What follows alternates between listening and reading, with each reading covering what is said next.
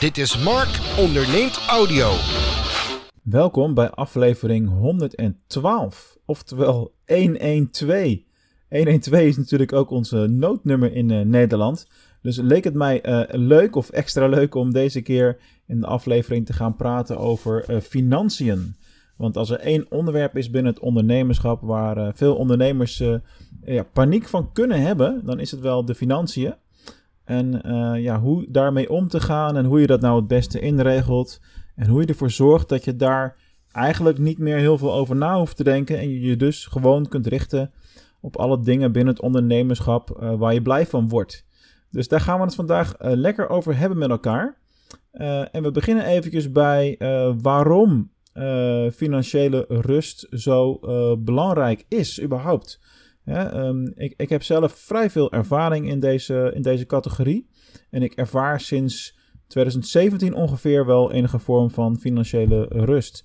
Niet dat dat per se het jaar was waarop uh, we de beste omzet haalden of de hoogste winst of wat dan ook. Uh, dat zijn andere jaren nog weer geweest. Uh, maar dat is wel het jaar waarin ik een beslissing heb genomen om op een andere manier mijn financiën te doen. En op een andere manier daarmee te gaan werken. Maar waarom is financiële rust zo, zo belangrijk? Ik zal het eens even vanuit mijn ondernemersperspectief vertellen. Voor mij is financiële rust belangrijk omdat ik daardoor als geheel een betere ondernemer ben. Met financiële rust zorg ik ervoor dat ik meer uh, tijd en hoofdruimte heb voor creativiteit, het ontplooien van nieuwe initiatieven, ervoor zijn voor, voor alles en iedereen om me heen en noem het maar op.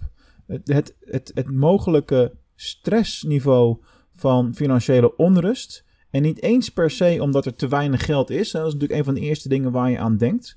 Maar ik heb, ik heb een vrij stabiel bedrijf al jaren. En het gaat gewoon eigenlijk gewoon elk jaar even goed. Uh, ongeacht de stand van zaken in de economie. Uh, we trekken de hoeveelheid klanten aan die we willen. Ik zou kunnen groeien, maar ik houd tot op een bepaald punt. Uh, doe ik dat en, en, daarnaast hou ik het dan een beetje tegen. Dus, dus het is een heel stabiel bedrijf, het online marketingbureau wat ik heb.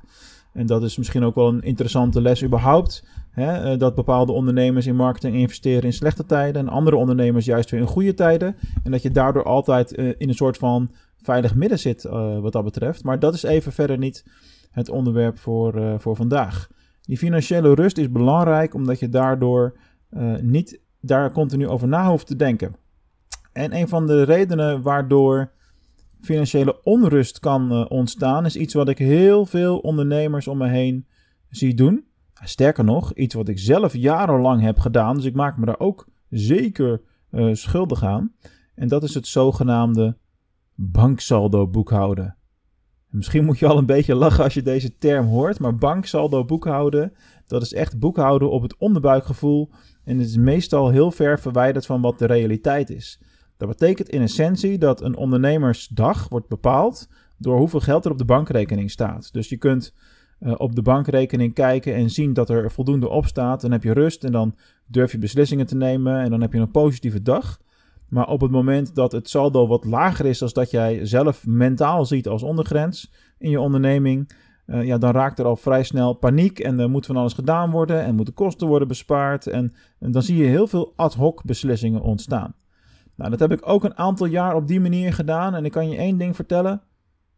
dat gaf bepaald geen financiële uh, rust. En uh, dat is omgeslagen in het jaar 2017.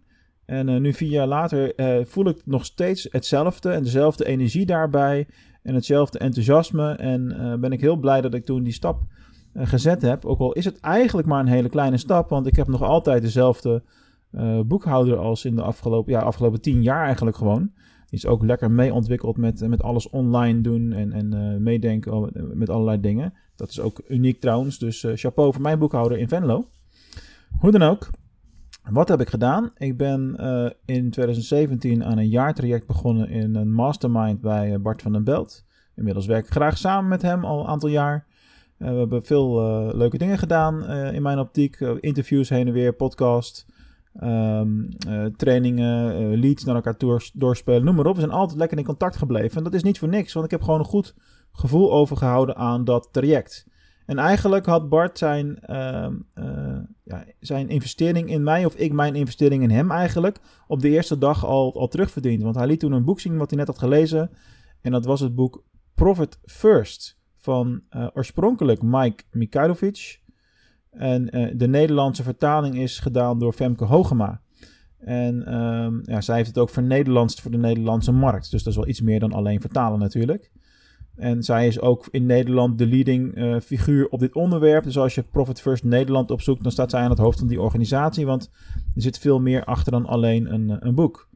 Voor mij is het wel bij dat alleen dat boek gebleven. Want het is niet zo dat ik nou ineens helemaal volledig daarmee bezig wilde zijn. En daar mijn leven aan wilde wijden natuurlijk.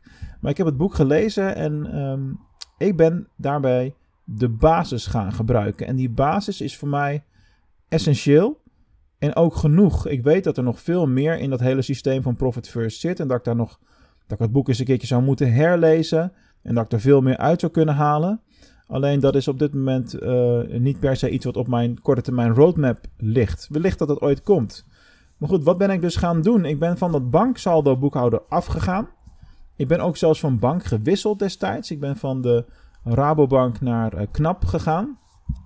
En dat had een hele praktische reden. Want de basis van Profit First is eigenlijk super oldschool en ouderwets, en, maar zo simpel.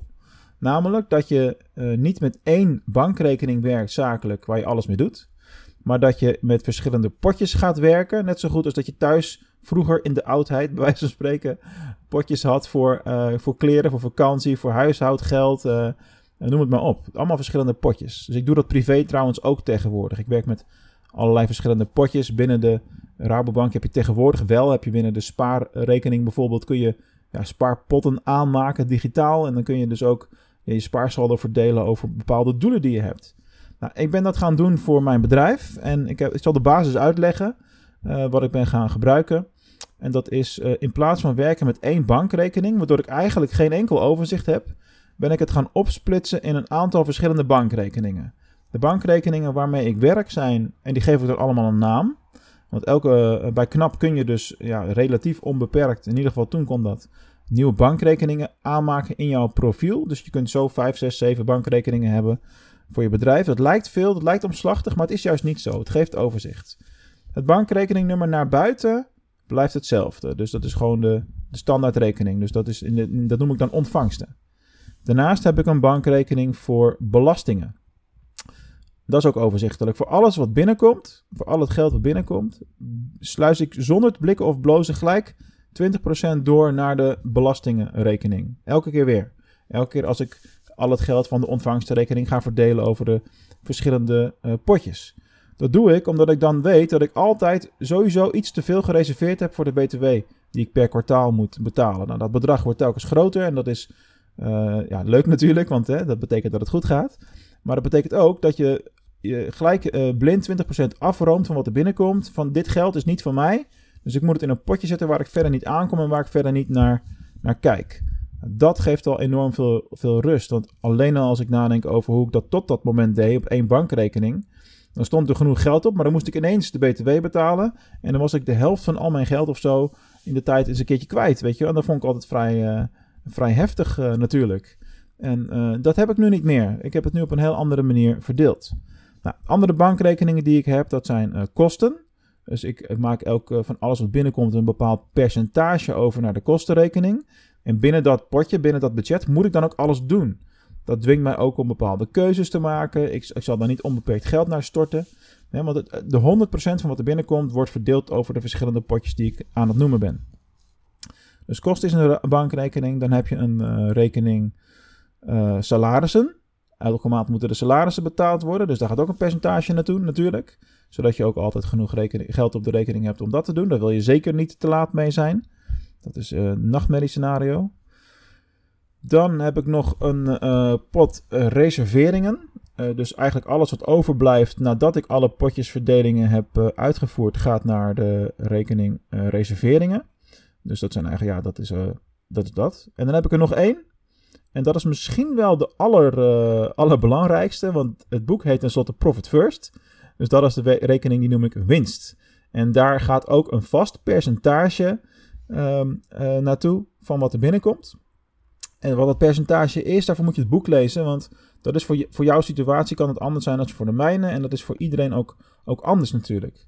Dus een vast percentage stort ik daar naartoe.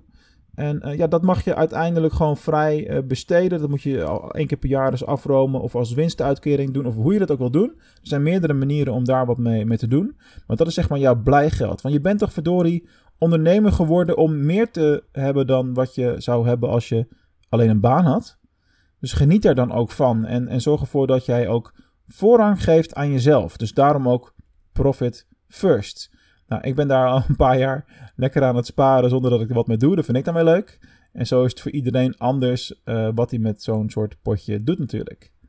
Dus ik gebruik Profit First eigenlijk als, uh, ja, als manier om, om financiële rust te krijgen. En het werkt voor mij uh, fantastisch.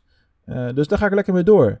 Um, wil je meer weten over uh, hoe je goed moet gaan, om moet gaan met je financiën? Dan kan ik ook even verwijzen naar een van mijn eerdere podcasts. Dan moet je wel een tijdje terug naar aflevering nummer 42.